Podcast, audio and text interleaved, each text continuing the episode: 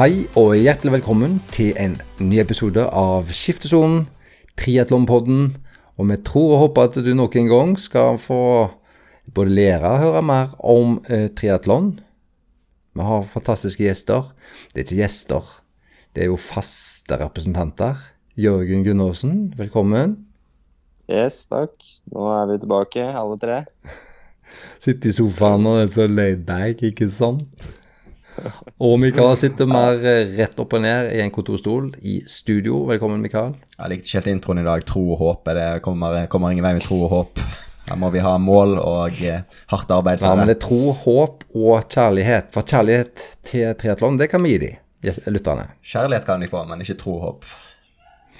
Men masse har i hvert fall eh, skjedd. Det har vært verdensmesterskap, og det har vært Ironman andreplasser, og ITU har vært på tur til Bermuda. Og vi skal komme innom alt, det, alt dette her, og mer til.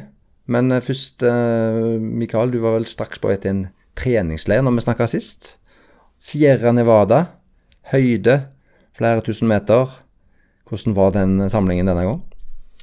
Eh, det var en kjekk samling. Det var jo en samling i, sammen med Olympiatoppen. Så Olympiatoppen så i utgangspunktet arrangerte den. Um, vel ja, litt sånn OL-inspirert. De hadde fagpersonell og litt sånn foredrag. Um, så det kunne gjerne vært litt flere idretter der, da. Det var triatlon, og det var svømming, og så var det padling.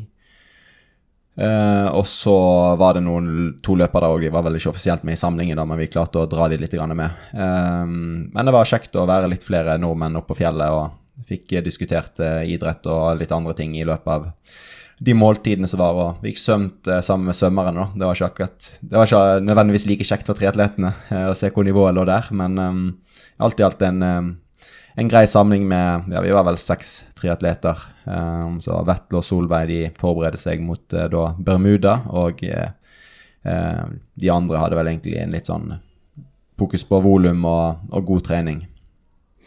Men det du sa, hvorfor var det ikke flere idretter med? For hvis det var i regi av Olympiatoppen, og det er jo mange som kan ha og bør ha interesse av å trene i høyden, hvorfor var det ikke da flere som klarte å henge seg med det? Går det på økonomi, eller går det på andre ting?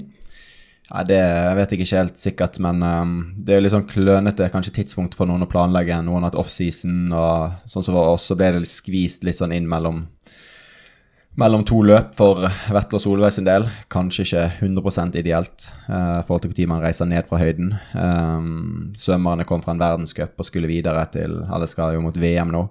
Uh, og en del som har hatt offseason og egentlig akkurat kommet i gang. Så det blir sånn, litt sånn mellomting, da. men det er kanskje dette tidspunktet det passer best for, for flest folk, da. Men det er en sånn årlig samling, så satser på kanskje blir litt flere neste år.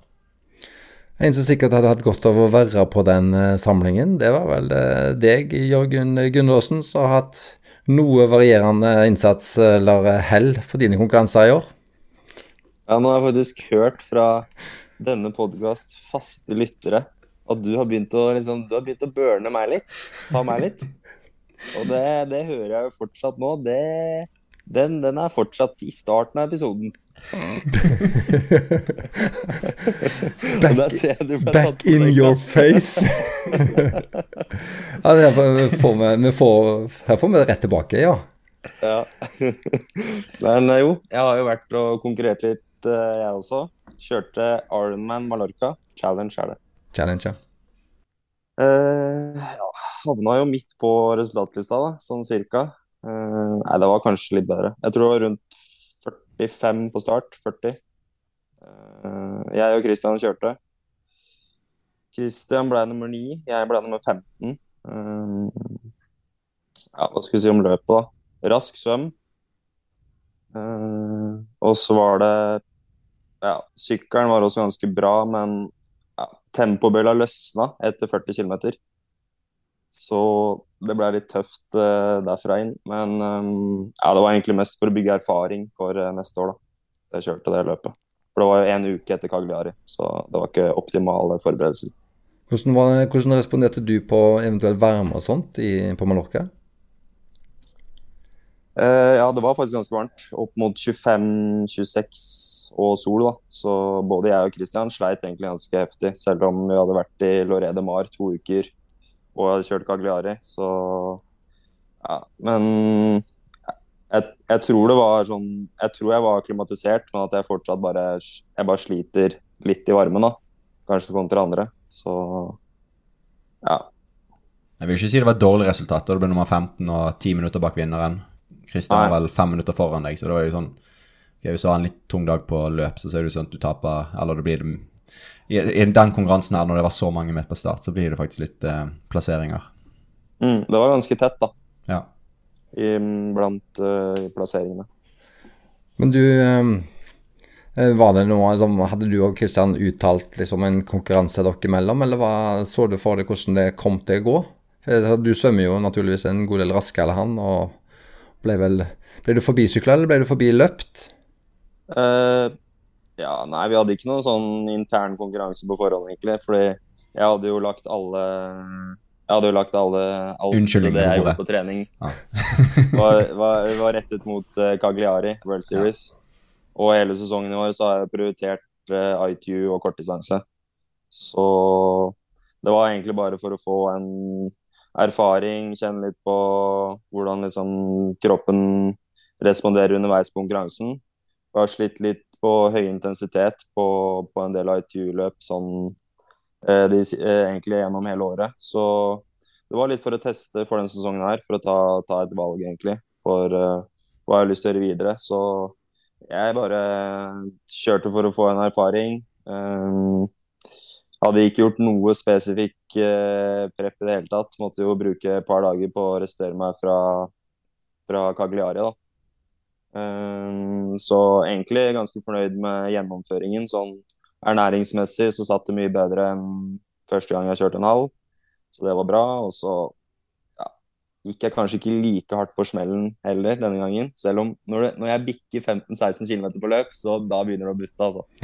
Da begynner det å butte, for da, da, da har det ikke holdt å gjøre 40 km i uke på løp, da, for å si det sånn. Nei.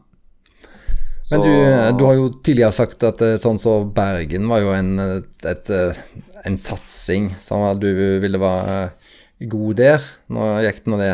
Fikk du ikke kjørt der? Og så satsa du altså Cagliari. Eh, og, og, du gikk jo da liksom mot en toppform mot slutten av sesongen. Hva er planen? Altså, du sier jo at du fikk testa nå den 73-distansen. Hva, hva, gjør du nå? Og hvordan er forberedelsen din mot, uh, mot neste år? Hva, hva, vil du gjøre nå til, i løpet av vinteren og mot uh, neste sesong? Ja, det var litt som jeg sa, at jeg kjørte det løpet for å teste litt. Og så har jeg jo vært litt i tenkeboksen og heller nok litt mot å kjøre mer eh, 73 neste år enn kortdistanse. Så ja, det er egentlig mest fordi jeg føler at sånn det fysiske ikke har spilt helt på lag på ITU. At når jeg kommer opp i veldig høy intensitet over litt lengre tid, så ja, om det har vært at astmaen min har utvikla seg litt dårligere, eller om det er noen andre ting, det er jeg ikke helt sikker på. Men jeg har i hvert fall følt at det er noe som har butta litt der, da, i forhold til det det har gjort tidligere. da, Når jeg har, uh, har kjørt bra på ITU. Så Og så er det jo ja, litt kult å, å teste en ny distanse, og det gir jo litt sånn motivasjon med ja, å komme seg på temposykkel, litt nytt utstyr, litt ny ja, trene litt annerledes. Så ja, det er vel en sånn totalpakke. Litt mindre reising. Og så er det jo det ITU. Det er jo, det er jo litt mer press, litt mer jag etter poeng. Jag etter å få plass. Du er usikker på om du har plass. Du får en plass to uker før. Du fikk ikke den plassen allikevel som du trodde. Det er mye, mye sånne ting. Da. Så ja, langdistanse er jo Du kan melde deg på, du er 100% sikker på at du får kjøre. Du kan planlegge hva du skal gjøre før løpet. Uh, du trenger ikke slåss i starten. Det er, mye, det er mye som er mer behagelig med langdistanse. Det kan sies. Men tenker du age group, eller tenker du pro-felt, da? Da tenker jeg pro neste år, ja. Kult. Er det noen, eh, noen ting du har mer lyst å prøve å å bli med på enn andre? Har du liksom et par ting du har pika ut i, uh, ja, i kalenderen? Nei, jeg har egentlig ikke kommet så langt ennå. Jeg har egentlig bare liksom kommet meg dit at jeg har lyst til å kjøre mer 73. Og så har jeg bare kjørt 2,73, så Eh, ja, jeg har lyst til å, å kjøre noe tidlig neste år, i hvert fall. Um, og så må jeg bare skal skrive en bacheloroppgave neste år også, så det blir bare å prøve å finne ut hvilke løp som passer i forhold til det. Mm. Kan vi håpe å se deg opp i um, i julenisselandet Finland på VM 70,3, eller blir det litt drøyt? Eh, sånn som jeg har følt at jeg har vært sånn nivåmessig nå, så er jeg litt for langt bak akkurat nå. Men jeg har ikke gjort noe Jeg har jo ikke trent for distansen, så jeg tror jo at i hvert fall med et eh, fire-fem måneder med litt mer spesifikk trening, så tror jeg skal i hvert fall være nærmere en sånn plass. Men uh, ja, jeg har, ikke helt, jeg har ikke helt satt meg noen sånn spesifikke mål for, uh, for det nå, egentlig. Nei, men det blir jo gøy, for da har vi jo en naturlig overgang, Mikael, til fra ett VM til et annet VM. Altså fra neste års VM i Finland til årets VM 70,3 i USA, St. George. Ja. Og der har vi jo Har du litt av hvert en kan berette om? Ja, vi kan jo ta litt sånn at uh, Synes du konkurransen er Altså, konkurransen nå ble vel siste konkurranse, forhåpentligvis, som er påvirket av covid, faktisk. Uh, det skulle jo egentlig vært i Finland allerede i fjor, tror jeg. Det var det året det skulle vært i Finland, skulle det vært uh, et helt annet sted året før der igjen. Så uh, pga. covid så har jo hele kalenderen vært skiftet og skiftet og skiftet. Og det å ha 70,3 VM da egentlig rett etter fulldistanse-VM er en veldig lite ideell uh, ting i forhold til hvordan sesongen blir seende ut. Og spesielt når PTO òg nå har hatt så mange prestisjefulle løp, så har jo det vært med på å prege kalenderen. Så f.eks. Ashley Gentle, som har vært dominant på 100 km, var jo ikke med på 70,3 VM. Du har hatt folk som har vært veldig dominant på PTO-løp, eller veldig god på et PTO-løp, som ikke har prioritert 70,3 VM pga. Hawaii, eller fordi de har prioritert PTO-løp. Så det har vært en Jeg syns løpet blir dessverre ganske preget av det elementet um, som er som var litt kjedelig. Uh, men um, det var jo veldig Altså, det var jo Det var et spennende løp på, um, på herresiden. På damesiden så var det kanskje ikke så spennende. Taylor Nibb. Uh, hun er jo uh, som en kanonkule i vinden. Har jo skuldre som er 15 cm brei, og hofte som er 15 cm brei. Så hun er liksom hun er så aerodynamisk som du får det. Så når hun setter fart på sykkel og fikk den luke som hun fikk med var vel seks minutter bedre sykkeltid enn de andre, så så var det litt interessant å se om hun tapte det på løp, men hun løp jo ekstremt bra i da Cagliari verdenscupen, som var et par uker i forkant. Så vi visste at hun var i god løpe, løpeform, men at hun skulle da egentlig ja, løpe så sterkt og like bra tid nesten som de som kom bak henne, det var kanskje litt, litt bedre enn forventet, da. Men denne Taylor Nibb, er det den samme personen som dere noen av dere nordmenn har hatt et godt øye til tidligere. Jeg lurer på om vi hørte om henne i en eller annen Om det var den roadtripen deres eller noe sånt. Det hørtes ut som det var, var mye, mye, kjærlighet i stemmen, eller, eller, noen som så litt ekstra opp til henne. Er det, er det den samme? Taylor Nibb? Det er samme Taylor Nibb, ja. Hun, hun har vi pratet om før. Nibbelussen, som vi kaller henne. Dere er på Nibbelussen, ja. ja. Så hun som vant VM, er, er dere dus med, så dere mm. kjenner henne. Nå har hun blitt veldig overlegen nå. Hun er ikke, ikke helt seg sjøl. Hun har tatt så mye, mange gode seire. Nei da, jeg bare tuller. Um, så nei, hun har vært, uh, var ekstremt god her, uh, og vi så det litt komme. Paula Finley får vel endelig en litt sånn gjennombrudd eh, på altså 70,3 VM. Hun vant jo Daytona for noen år siden og har jo vært der oppe på PTO-løpene, men har jo ikke gjort det bra på 70,3 VM etter at hun byttet um, Uh, byttet over fra kortdistanse. Um, og så var det veldig spennende hvordan, hvem som kom til å ta tredjeplassen. Uh, Flora Duffy og Lucy Charles lå jo sam lenge sammen med Paula Findley. Uh, men uh, Emma Pellen Brown kommer jo jagende bakfra. Flora Duffy hadde jeg egentlig ikke så mye troen på personlig. Uh, hun har ikke gjort det så bra på halvdistansen og falt igjennom plutselig. Og Lucy Charles òg begynte å fade, og så kom uh, da Emma Pallant Brown forbi. Så det var jo kult å se at hun fikk et, um, et godt resultat der. Um, Dommere var jo òg en litt sånn eller sånn tidsstraff var jo med på å prege løpet litt. India Lee fra England var jo i den tetgruppen på sykkel, men fikk en tidsstraff eh, fordi Holly Lawrence slåttet inn, eh, sånn at India Lee kom for tett. Så fikk en da feil tidsstraff og tapte da fem minutter på um, med den, og skulle vel kanskje hatt en ja, sjetteplass der. Um, så var jo med å prege løpet i en litt sånn negativ forstand. Noen kommentarer til dameløpet, Jørgen? Uh, nei, um, jeg fikk ikke sett så mye av dameløpet. Uh, men jeg fikk jo med meg resultatene, og Nib slo vel bare knockout på alle på sykkel.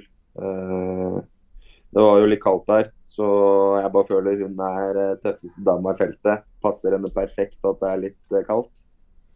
Ja, hun er utrolig kalkulert og, og smart. Ja.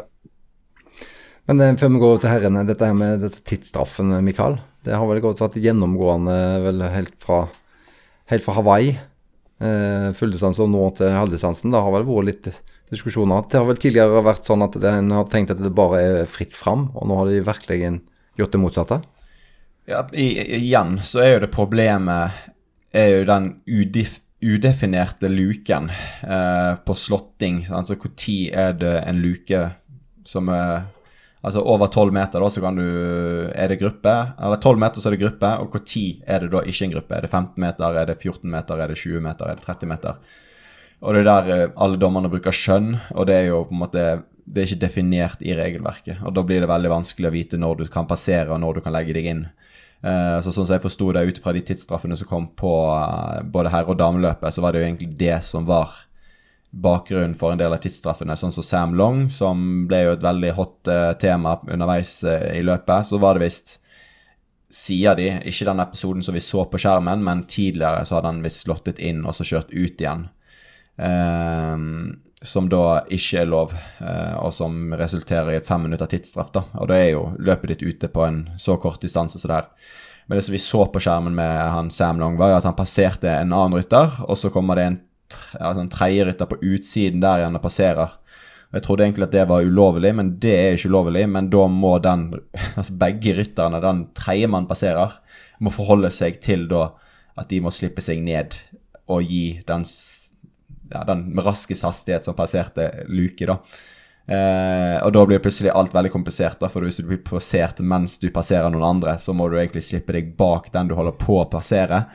Eh, og så må du slippe deg bak fra den du har som passerer deg. Og det går egentlig ikke an. Eh, så det ble litt sånn spekulasjoner i regelverket der. Eh, men når det er såpass mange som driver og snakker om det, og tipper det er vel en, sikkert en utøvergjeng som kommer til å sende inn en del eh, spørsmål til Ironman eh, eller ITU for å, for å, få en klarhet i regelverket. da. Det her kan jo du litt bedre enn oss, men, men, men eh, sånn som f.eks. Sam Long, da, som kommer jo bakfra i feltet, kjører framover. Så er det jo sånn at han må, Hvis han har en gruppe han skal passere, så må han passere hele gruppa i ett. Han kan ikke slåtte seg inn, sånn som du sa i stad. Uh, det er vel det som har vært casen her. da. At det er en lang gruppe, 12 meter mellom hver rytter. Og da, du, da har du 20 sekunder per rytter du tar igjen på å passere. Stemmer det? Ja, eh, men det, det, som ikke står i regelverket, er hvor eh, Hvor tid det er en ny luke. Altså hvor tid er det da eh, En ny gruppe. En ny gruppe. Og det, det, er ikke definert i regelverket, så for en dommer så kan det være 14 meter, og du har lov til å legge deg inn, og da er det den du passerer som må slippe seg bak. Men for en annen Eh, dommer, så kan det kanskje være 20 meter før det er en ny gruppe, og du kan da legge deg inn. Så sånn For sikkerhets skyld da, så må du kjøre forbi alle, men det er likevel altså Da er det veldig heftig arbeid, da. Men eh, når det er litt kupert, så er det vel veldig sjelden at det er noe som er konstant 12 eller 14 meter. Det er jo vel eh, Kanskje du ligger fra 11-12 til 20 meter veldig fort, med litt trekkspill og litt opp og ned og kurver og opp og ned. Blir ikke det? Jo. Det er jo det er jo veldig vanskelig å se Altså Jeg syns det er vanskelig, sånn som fra Mallorca, synes det er vanskelig å se 12 meter. Og er, når du kjører kupert, så er det veldig lett å skli litt for tett, gå litt for langt unna. Det blir litt sånn trekkspilleffekt, selv om man ikke ligger på hjul. da. Men når, når du kjører, Jørgen, ser du på Er det veimerkingen du tar utgangspunkt i, eller teller du på noe annet vis? Nei, jeg ser på litt på de foran, og så tar jeg det sånn på øyemål, sånn cirka. Ja, Så du bruker ikke veimerkingen aktivt? Ja, og så, er det jo, så har du motorsykkel ved siden av oss i ganske lange perioder. da, og Når han ikke sier noe, og jeg ser at det er noen andre som faktisk får kort, så, kjenner, så ser man jo litt OK, her kan du ligge, her kan du ikke ligge, på en måte. Men en som klarte å forholde seg til dette, han eh, var vel da i fargene rødt, hvitt og blått. Han var hvitt. han var i hvitt. Eh, ja, han var, han var, i hvitt, ja, men flagget hans eh, var i rødt, hvitt og blått, eh, Mikael. Det var herreløpet. Ja, herreløpet så ser vi Aaron Royal stikke av gårde. og på første sånn vendingsbøye så tar han rett 90 grader. og, og bommer da mot neste vendingsbøye. Det er ofte litt sånn Kall det en U-sving, da. Altså det er litt grader i hver, hver bøye, sånn at det blir minst mulig vinkel på, på vending, da. Eh, og Aaron Royal er jo ganske mørkt, og du får sol rett imot. Plutselig så stopper han opp, eh, og de andre stopper opp og, eh, i vannet, da. Og da kommer da resten av feltet opp igjen, så de hadde allerede fått en luke. Så eh, det som kunne vært ganske store avstander på søm, blir ikke så store avstander til slutt, fordi eh, fordi de, han, han, gjør en feil i tete. Så Christian er jo egentlig ja, Han er vel eh, fem, 40 sekunder bak teten opp av vannet. Uh, Gustav han er vel ikke så veldig langt bak det igjen. Han var vel 55 sekunder bak uh, opp av vannet. 15 sekunder bak Christian. Um, men Christian gjør en uh, kjapp skiftesone. Uh, det er en del som velger å ta på seg klær eller bruke litt tid der. Vi så Magnus Ditlev glemte hjelmen sin. Fredrik Funke sa ifra 'Hei, hjelmen din den er bak deg', så han måtte sette fra seg sykkelen og løpe tilbake igjen. Um, men Kristian har helt klart en plan med løpet og bare gir gass fra start av. Han ønsker å ja, få Gustav isolert, og det får han ganske enkelt. Så det blir vel en sykkeletappe der Christian drar eh, stort sett nesten hele veien på første gruppen. Magnus eh, Ditlev jobber seg opp fra andre gruppen. Eh, Gustav mister tid, plutselig mer og mer. Så i første gruppen er det Ben Kanut, ut, det er vel Mik Nei, hvem er den andre som er der til slutt? Um, Fredrik Funk, sa du det? Ja, Fredrik Funk, ja. Og så Ditlev, og så er vel han um, uh, Mikki Tagholt. ja. lenge, ja. Ja, så han falt og mistet vel to minutter på slutten. Så ut på løp så um, er Christian rask i skiftesonen. Um, men uh, Ben Kanut tar jo en uh, flyger og spurter forbi Christian etter et par kilometer. Tenker, Hva i huleste er det som skjer nå? Det er en litt annen løpeløype enn det har vært uh, tidligere. De løper um, opp den samme ja, falske flaten. Det er egentlig en ganske grusom bakke. Uh, og så inn på en golfbane som ser uh, helt forferdelig ut å løpe på. Det er opp og ned og gress og svinger. En veldig urytmisk løpeløype. Uh, og Ben Kanut virker til å ha forberedt seg utrolig bra til dette løpet her. Og um, ja, Det ser jo ut som han legger press på Christian. Christian gir litt sånn småluker av og til. Men uh, ut ifra kommentarer etterkant så prøvde vel Christian egentlig bare å spare mest mulig krefter. Så når han, han går med et par kilometer igjen og tar selfier med, med folk og feirer to kilometer før mål, så skjønner vi at han har, han har hatt det lettere enn det, det har sett ut som. da. Så Christian tar en en leken seier. Um, fin, fin utført sykkeletappe av Christian. Han Kanut Det er jo tidenes skrell, spør du meg, at han kommer på andreplass. Uh, og det er kanskje litt den kommentaren som hadde i forkant når han kommer på andreplass. Så sier det vel at det, sesongen er vel litt påvirket av korona. det syns jeg. Um, Ditlev gjør et greit løp og blir nummer tre til slutt. Og det er en grei oppsummering, Jørgen. Det var det hørtes ut som Kristian eh, hadde Han fikk det jo ikke lett, men eh, at han hadde grei kontroll, sånn som du beskriver nå. Ja, men jeg syns vi skal hylle benken ut litt òg, da. Han eh, lagde jo løpet litt mer spennende, òg. Så du kan jo si at eh, det kanskje ikke var det råeste feltet og litt korona og litt sånn ute og går. Men uh, det er jo det er nok det beste han har gjort sånn prestasjonsmessig, da. Løper 1,11 i en relativt kupert løpeløype.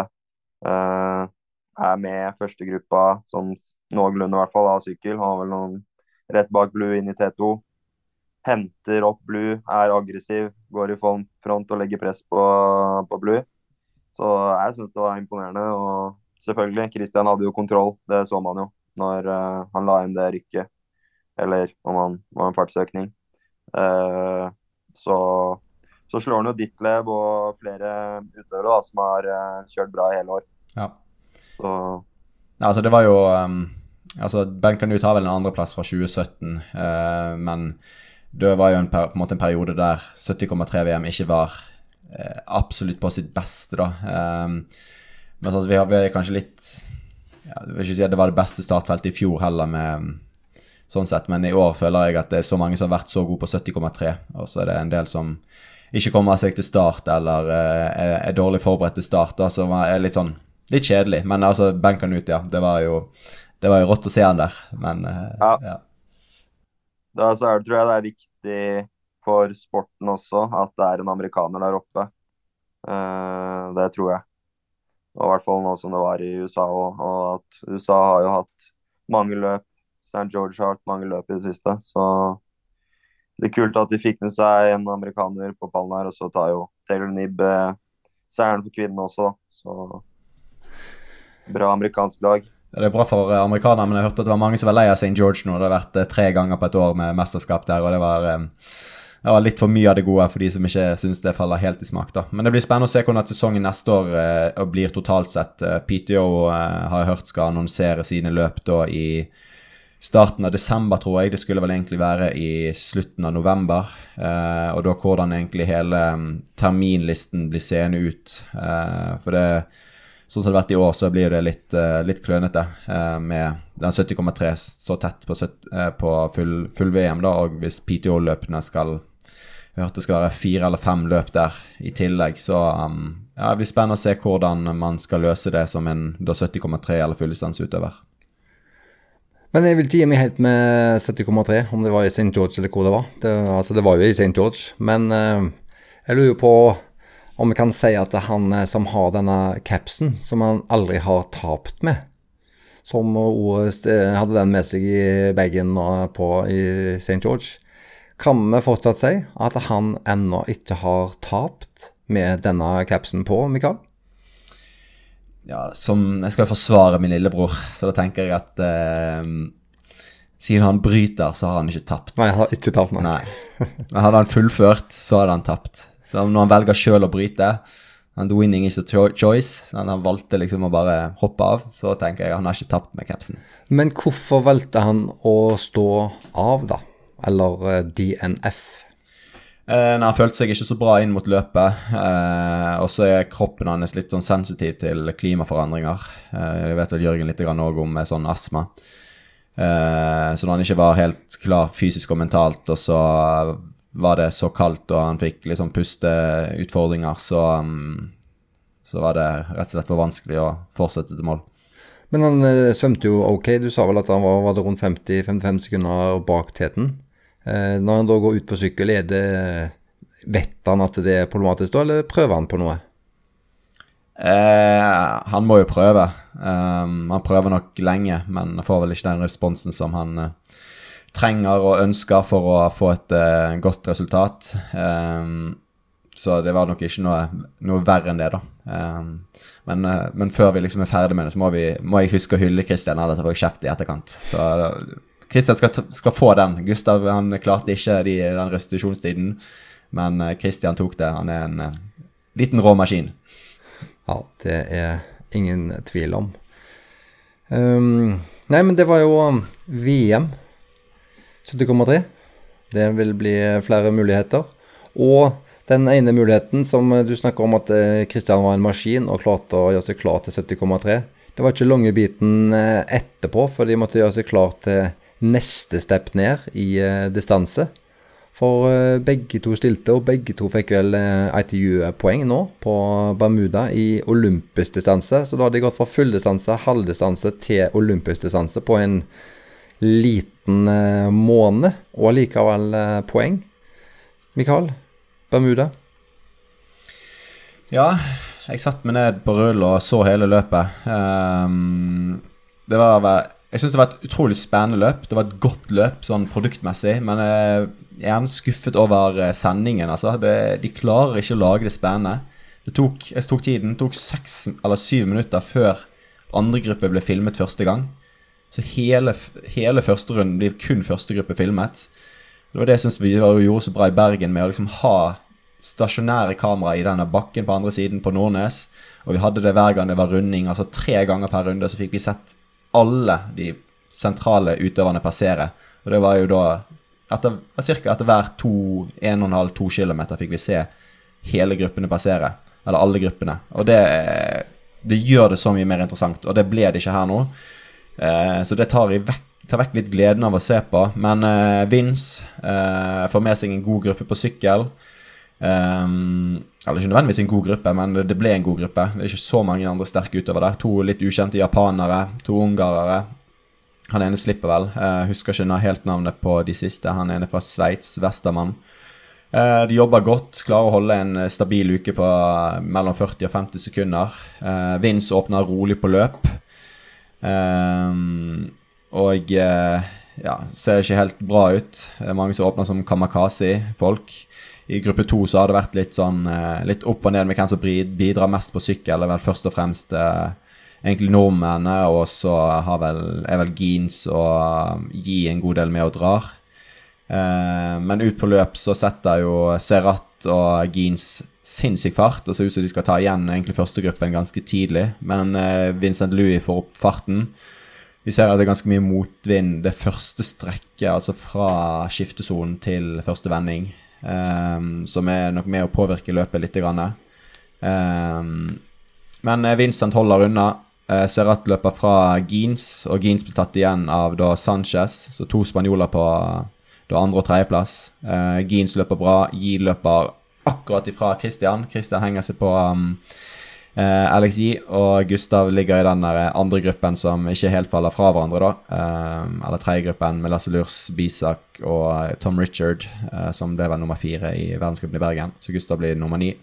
Vetle får det ganske tungt på løpingen. Lov er jo bra med i den gruppe to på sykkel, men blir til slutt nummer 31, så akkurat ikke viktige poeng der. Men eh, du snakker om Kristian eh, er maskin, eh, og det er jo åpenbart. Men jeg forsto det sånn at Gustav var rimelig fornøyd å komme på topp ti der. Tross alt samme tid etter henholdsvis fulldistanse og halvdistanse. Ja, det er, det er den som er best, som er maskin, ikke sant, Jørgen? Jo, det er Kristian som er maskin, ja. Men det er jo godt at vi har noen som er veldig gode, men litt mer menneskelig. Er det ikke det, da? Jo. Gustav er den litt menneskelige av de. Men nå har forberedelsene begynt til eh, Paris. Er det, er det, sånn at det, disse løpene her nå, Mikael, altså sånn den, de siste rester av denne sesongen, er det, er det for å bare teste seg, eller er det noe som kan ha en betydning på deres vei mot uh, Paris-OL uh, i 2024? Altså, alle, altså alle, alle, løp er en test, kan du si, sånn sett. De er jo her for å gjøre det best mulig. Men teller disse poengene nå Disse poengene teller viktig, spesielt for Gustav, eh, som er dårlig, dårlig ranket. Så han er nødt til å få disse poengene, og det, det kom godt med å gjøre det bra her. Eh, som, så, så, alle nordmenn er avhengige av å gjøre det bra i Abu Dhabi og på verdensserien der for å være sikrest mulig mot alle løp neste år. Så det er, ikke en, sånn, det er ikke en test. Det er ikke bare sånn ja, vi skal kjøre et løp for å se hvordan nivået er. Det er sånn, Vi er nødt til å kjøre et løp så bra som mulig. Selvfølgelig så ser vi hvordan nivået er, men gjøre det best mulig hele tiden er veldig viktig på kort distanse. Og du Jørgen, fikk du eh, med deg, var det som forventa denne dagen? Altså Hadde du forventninger til eh, henholdsvis eh, Maskin og Lillebror? I den? Ja, maskinen den, den er litt som forventa, faktisk. Jeg hadde trodd at han skulle være der oppe. Um, jeg hadde kanskje trodd de skulle klare å hente gruppa til Vince, i og med at både Gustav og Christian var i den gruppa. da. Men uh, nei, det var sterkt kjørt av bruddet, da. Um, med Vince som kaptein der, så, så holdt de jo veldig bra unna. Han var rundt 40 sekunder inn i inn i T2. Eh, de, de, tok jo ekstremt mye i første runden. da. Det var litt uh, merkelig, egentlig. Det pleier jo å begynne på en sånn 15 sekunder, øke litt, og så uh, hvis, hvert fall hvis Christian og, og, kanskje Gustav også er der, så, så tar de litt innpå på slutten igjen. Uh, nå fikk de Jeg tror det var nesten 30 sekunder allerede til første runde. Mm. Så Christian var jo litt sånn midt i andre gruppa på søvn, kanskje. Som, som, gjorde at han kanskje trengte litt tid Eh, på å komme seg opp og fram da, og, og sette fart. Men det er imponerende at uh, det bruddet holdt inn. da, Og Vince, taktisk smart, som Mikael sa, holder igjen litt på løp i starten. Og, og løper seg litt inn i det, og, og klarer akkurat å holde av de to raskeste spanjolene på løp. Det var jo egentlig litt gøy at han kom eh, tilbake, da, for han, jo, han, var jo så suveren eh, periode. Så har han jo slitt et års tid.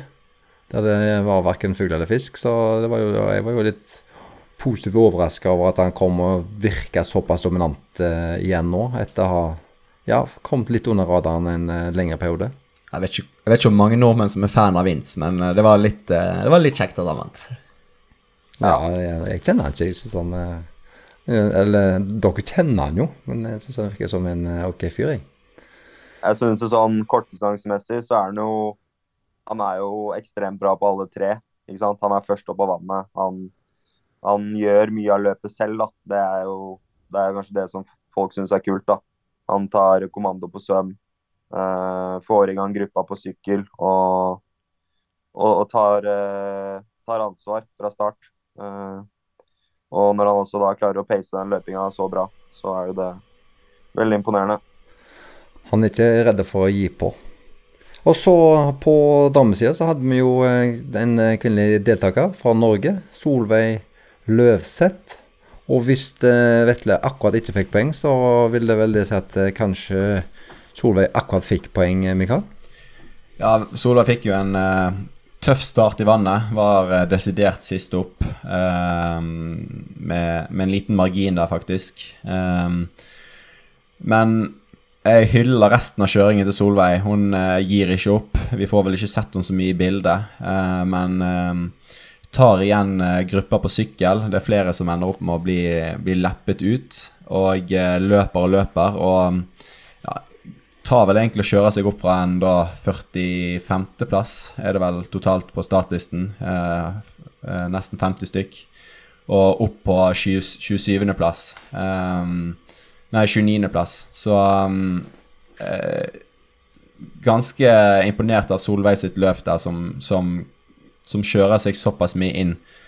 Um, kjører inn så mange utøvere. Og det blir ganske stor spredning òg etter hvert på de andre. Uh, altså, Flora Duffy er jo overlegen, men lukene bak der er ganske mye. Så det er liksom ikke så veldig stor avstand opp til ganske, ganske store og etablerte utøvere for Solveig. Hun har jo hatt uh, slitt mye etter eh, covid og var ganske usikker på om hun skulle kjøre dette løpet. Eh, selv når hun var i høyden og det var liksom prøve å bare komme i gang og så se hvordan kroppen responderer. Så um, jeg syns det var en oppløftende start. Så får han bare jobbe videre med svømmingen.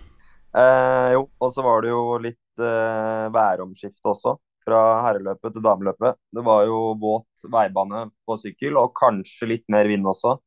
Som var kanskje en av grunnene da, til at eh, Solveig sleit litt ekstra på søm i forhold til det hun pleier å gjøre. da.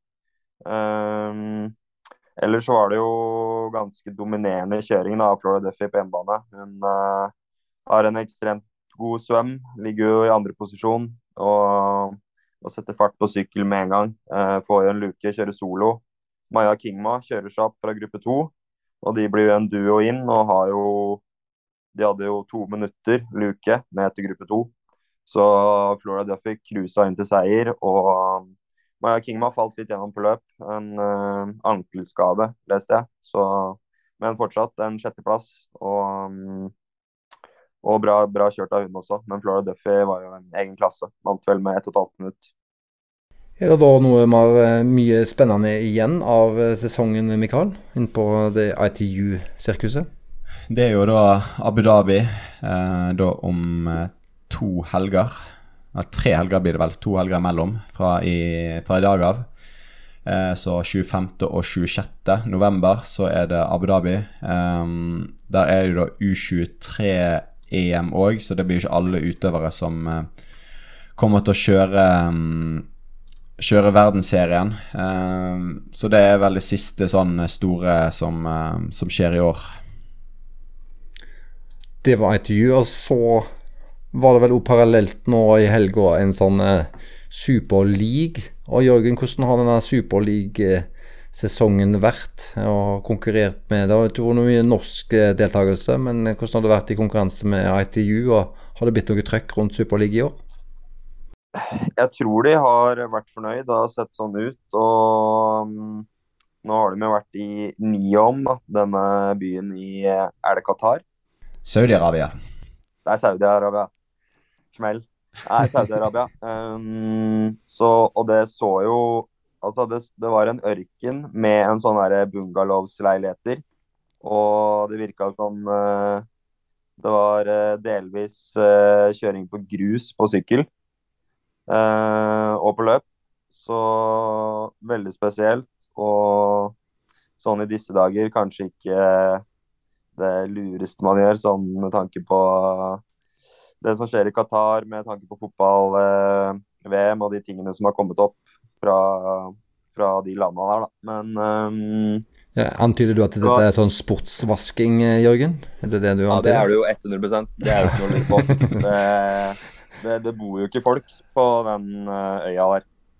Så det, det var jo ikke Dårlig sportsvasking når det er ingen som ender opp med å se det, da. Det er jo ja. Det altså, det, det er ikke publikum der, og, og, det bor ikke folk der. Så det er jo 100% sportsvasking, men uh, de er jo pengesterke, da. Og, og ja. Superliga har jo ja. kontakter med, med disse i Midtøsten der. Altså, de har jo chartet et fly fra Europa ned med alle utøverne. Så det går ikke, det går ikke fly dertil heller. Så det var vel så De har en sånn egen nettside, Saudi-Arabia Neom om Sports uh, et eller annet. Jeg var inne og sjekket. Så de har jo ansatte folk for å få uh, konkurranser og arenaer, så det er egentlig bare å sende mail til dem. Så det kan være at du får en arena gratis for et par millioner. så Du får en arena gratis for et par millioner? Ja, det... altså De bygger det for deg, da. Jeg tror ikke det er langt ifra. så de er nok desperate på å få i gang aktivitet. Så det var jo Beach Games. Det var det det var en del av i Saudi-Arabia der. Så um, ja, konkurransen, resultatene. Ja, på herresiden så var det um, Matthew Hauser som uh, tok seieren i det løpet. Johnny Brownlee kjørte også ganske sterkt, ble to. Og Hayden Wild ble tre. Sikra sammenlagtseieren foran Matthew Hauser og Johnny Brownlee. På kvinnesiden så tror jeg det egentlig mest var avgjort. Det var Georgia Taylor Brown som uh, vant uh, løpet og tok uh, sammenlagtseieren. Så det er litt sånn interessant da, igjen til eh, hvordan triatlonsesongen ser ut. Så har jo da, står jo da Hayden Wild og Georgia Taylor Brown over Bermudaløpet eh, for å heller kjøre Superleague. Få en god del sikre pengepremier der, da, for å si det på den måten. Eh, og kan faktisk risikere å miste VM-tittelen sin. Eh, eller ikke sin VM-tittel, men den, altså de leder jo verdensserien hvis jeg ikke husker helt feil. Eh, og med tanke på da, at Flora og eh, da eh, Med de resultatene som ble, så er de ikke så sikre en seier igjen, da. Selv om Abu Dhabi gir mer poeng til slutt. Så det, det er mye sånn uh, miksing og triksing av ulike konkurranseformer nå. Jeg var nede og på den igjen treningsleiren som vi var på, uh, og skulle forklare folk hvordan eh, triatlon var for øyeblikket, og hva folk kjørte, så er det bare sånn jeg Må nesten frem med sånn tankekart og skrive 'Dette er Superleague, dette er World Triathlon, dette er Challenge, dette er PTO, dette er Ironman'. Disse forholder seg til hverandre, men disse forholder seg ikke til hverandre. Så har du denne, så har du denne, så har du det. Noen kjører sånn, noen kjører sånn. Uh, så det hadde vært litt kjekt om de klarte å koordinere hverandre til neste år. Og før de klarer å koordinere det, så er vel folk nødt til bare å, å forholde seg til skiftesonen, Tredjelandpodden, der du, Mikael, og du, Jørgen, har fullt trekk på dette. Vi prøver så godt vi kan, men det er jo så komplisert at til og med vi sliter.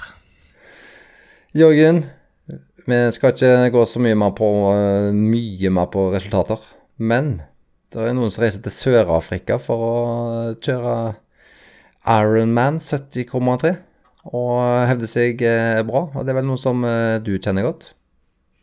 Ja, det er jo vår venn eh, Christian Rød og Julie Aspesletten som har dratt til Sør-Afrika, Muscle Bay, og kjørt Ironman 70,3 der. Så det er jo kult. De kjørte vel på søndag, ja. I går, tror jeg. Eller lørdag. Litt usikker. Men øhm, løpet Christian Røe svømte ganske bra. 4,5-4,40 bak Henry Schumann på, på svøm. Um, og det så ganske lovende ut da. Taper litt, litt uh, mye på sykkel. Han var ikke helt fornøyd med det. Uh, sykler litt bedre mot slutten, men i starten så taper han uh, ganske mye, sånn tidsmessig. Plasseringsmessig så er han vel ligger han rundt sånn 8, mellom åttende og sjetteplass hele veien. Og og klarer å løpe greit på slutten og, sikre sjetteplassen, som er uh, siste plass for pengepremier. Det ble vel en liten, liten slant penger der på han. Og jeg tror han var OK fornøyd. Veldig fornøyd med svøm. Kanskje ikke så fornøyd på sykkel, og så var det OK løp. Og noen bakker på løpet også, som gjør at den eh, løpetida blir litt, uh, litt tregere enn han vanligvis pleier, kanskje. Og Julie ble nummer tre, så det var jo ganske rått. Hun ble nummer to, hun. Jeg ble nummer tre, ja. Nummer tre. Nei, sikkert. Det ble tre, ja. ja. Det er bra. Men både Jørgen, nei, både Kristian og Julie har vel hatt en, en innholdsrik og både lang, innholdsrik og god sesong, kan vi vel si? Ja, det kan vi si. De, jeg tror Kristian hadde en litt tung periode på slutten av sommeren. Måtte uh, starte litt på nytt, men uh, hadde jo det løpet her som mål. Så jeg tror han har fått trent godt uh, siste, siste måneden, halvannen. Ja, Julie var vel ute med long covid òg, så det har jo ikke vært helt optimalt. Men de har jo fått logget en god del uh, konkurranser, så nå er det bare å bygge opp mot Ironman 70,3 Sandnes juli, nei, juni 18. Da skal Jørgen være med. Så Kristian være med, Grue være med. Ja, ja, ja. Da skal vi ha alle til start. Da skal vi få målt hvem som faktisk er best av de nest beste. Og Mikael Iden var jo med i, uh, i år. Tror du han kommer til å stille i 2023? Ja, ja, ja, kanskje, kanskje, kanskje. Jeg, jeg, sier, jeg sier kanskje, men jeg tror nok han kommer til å stille. Nei, jeg liker ikke sånn press. Det stemmer siden uker før. Ja.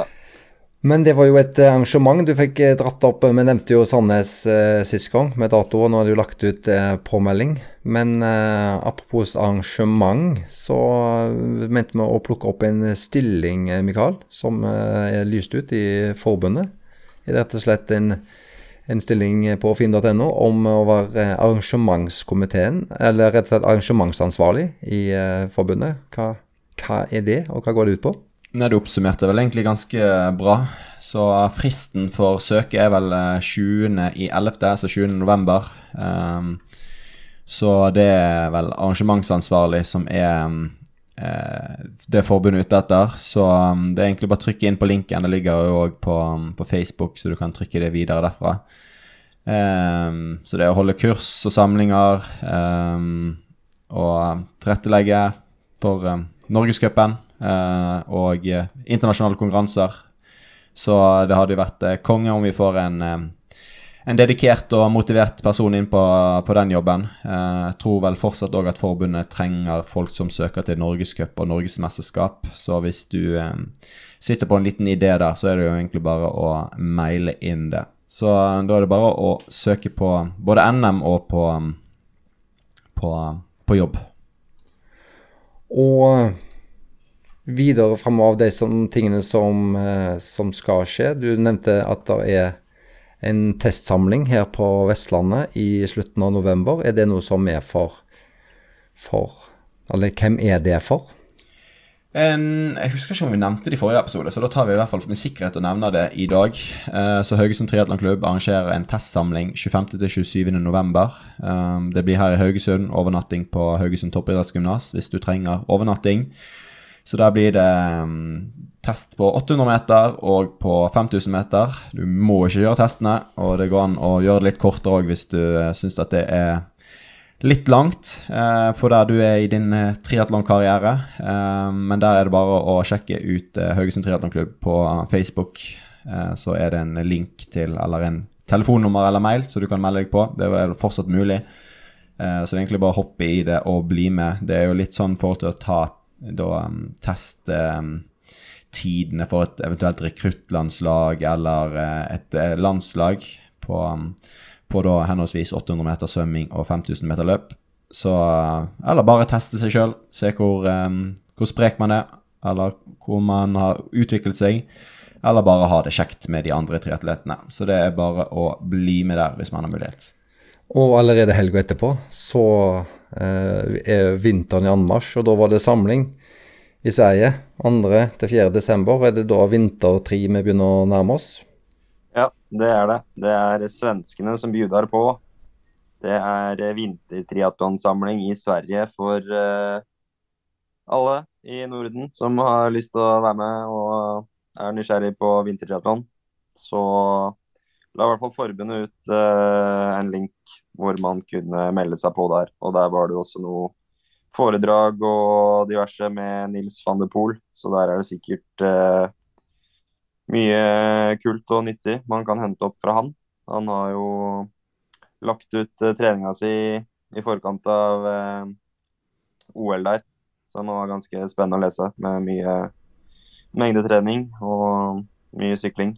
Spørs, spørs om vi age-grupper har mulighet til å kopiere den type trening. det blir vanskelig. Man får modifisere litt. Ja. Men Hvis en er på den samlingen i starten av desember, så har en jo uh, nesten åtte uker til å komme i form til vinter-NM. Altså vintertri norgesmesterskap, uh, Jørgen. Var ikke det i uh, slutten av januar? Jo, så der eh, kan man bare melde seg på. Og har man eh, ambisjoner om å kjøre VM vintertri på hjemmebane på Skeikampen, så er sikkert ikke det et uh, dumt sted å vise seg fram uh, på NM.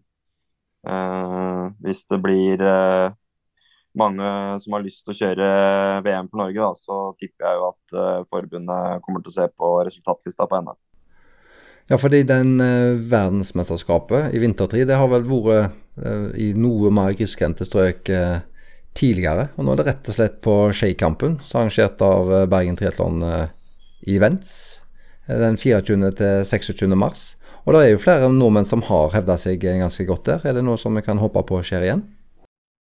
Ja, jeg vet jo at uh, Hans Christian Tungesvik, som uh, vant VM når det gikk i Andorra, uh, er veldig, veldig sugen på å få til noe av det samme på hjemmebane. Så jeg vet at han kommer til å trene ganske spesifikt inn mot eh, det løpet. Og så har vi også flere utøvere, flere yngre utøvere som har kjørt eh, juniorklasse og U23-klasse og um, hevda seg godt. Så men jeg er litt usikker på hvor mange plasser og sånn man på en måte har. og så det er kanskje noe eh, enten vi eller forbundet må finne ut av før eh, NM, i hvert fall kanskje. Ja, om det er en mulighet å rett og slett å kvalifisere seg til noen av de plassene som kan bli ledige. Det er vel sånn at det, det, sånt land som arrangerer, får ikke ofte noen ekstra plasser? Ja, Nå er det heller vel ingen russere som er med, så da er det vel ekstra god plass. Så kan vi ha 20 nordmenn i, i hver klasse. Det må vi finne ut av. Men jeg har sett på sånne resultater fra vintertri-VM før, og det har jo vært typ ti russere. Så ja. Jeg vet ikke om det har blitt uh, regulert uh, siden den gang, men jeg tror at man kan få ti plasser, jeg. Er det sånn at vi ser Jørgen til start her, da? Jeg tror ikke vi ser meg til start. Du har hørt om Birkebeineren? Den har jeg litt, litt, lyst til å gå neste år. Men det ryktes at du, um, du eier en sånn en eh, såkalt kondomdress som egner seg til skigåing? Ja, har en kondomdress i skapet. Oh, da er det bare å henge seg på. Da ser du proff ut, i hvert fall. Ja, det var en brutal uh, opplevelse på vinter-NM uh, eh, nå sist, så jeg tror jeg kommer til å kjøre. Hvis jeg kjører, så skal jeg i hvert fall være bedre forberedt, for det var fryktelig vondt. Det var tungt å løpe på snø? Tungt å løpe på snø. Ekstre, altså jeg, jeg, går litt på ski, men ekstremt tungt å gå på ski etter å ha løpt i snø og sykla. Og sykle på snø også, det var noe nytt. Den uh, snøen blir veldig løs etter hvert. Og det gjør det egentlig veldig teknisk. Så terrengsyklister, bare meld dere på. Ja, Godt innspill. Da får vi de inn til triatlonsporten. Men de, ja, de er hjertelig velkomne. Det var det vi hadde omtrent i dag, vel. Med, det går mot slutten av i hvert fall den aktive sesongen med resultater. Det har blitt mye sånn resultatservice å snakke om løp og, og sånt i, i år, Mikael. Vi burde jo kanskje ha blitt gått litt tilbake og blitt litt mer kjent med noen utøvere, eller snakket med noen flere utøvere framover. Nå går vi i hvert fall inn mot vintertrening, og ja Vi har ikke hatt siste episoden ennå, men hva kan vi håpe å få i vinter? Nei, Det kommer vel an på hvor mye vi, tid vi har til å sitte oss ned, da. Uh, vi hopper jo på episode hver, hver uke, var ikke sånn det var? Uh, nei da. Um, det hadde vært kjekt om vi fikk litt flere sånn lytterspørsmål og litt, uh, litt, mer engasjement kanskje på Instagram og Facebook. Det er de faste, trofaste likerne, men um, litt spørsmål. Uh, kanskje ikke du lurer på det, men kanskje du vet at naboen eller en en nybegynnertriatlet lurer på det. Så det er lenge siden vi har hatt litt sånn um, litt spørsmål og sånn så å, å, ta opp. Har jeg tror vi er a jour på det som vi får inn. Um, så tar vi gjerne imot tilbakemeldinger òg på, på uh, sånn podkast-apper og sånt, sånn at vi får god rating, selv om vi aldri har vel sett på det og brydd oss om det. Men det hadde vært litt gøy å jobbe seg oppover. Jørgen, vil du uh, fortelle noe gøy til alle de tusenvis av, på tusenvis av fans som du har der ute? Ja, det har jeg veldig lyst til. Og jeg har lyst til å fortsette der hvor Mikael slapp, at uh, noen spørsmål fra lytterne. Kanskje vi kan lage en uh, Instagram-post hvor de kan bli vi oppfordrer til å legge igjen en kommentar med noen spørsmål som de lurer på, eller noe sånt, så vi kan få litt inspirasjon til en litt annen type episode da, enn de vi har hatt uh, hittil. Kanskje ja. får vi til en uh, litt annerledes episode ganske snart. Kanskje tar det litt lengre tid.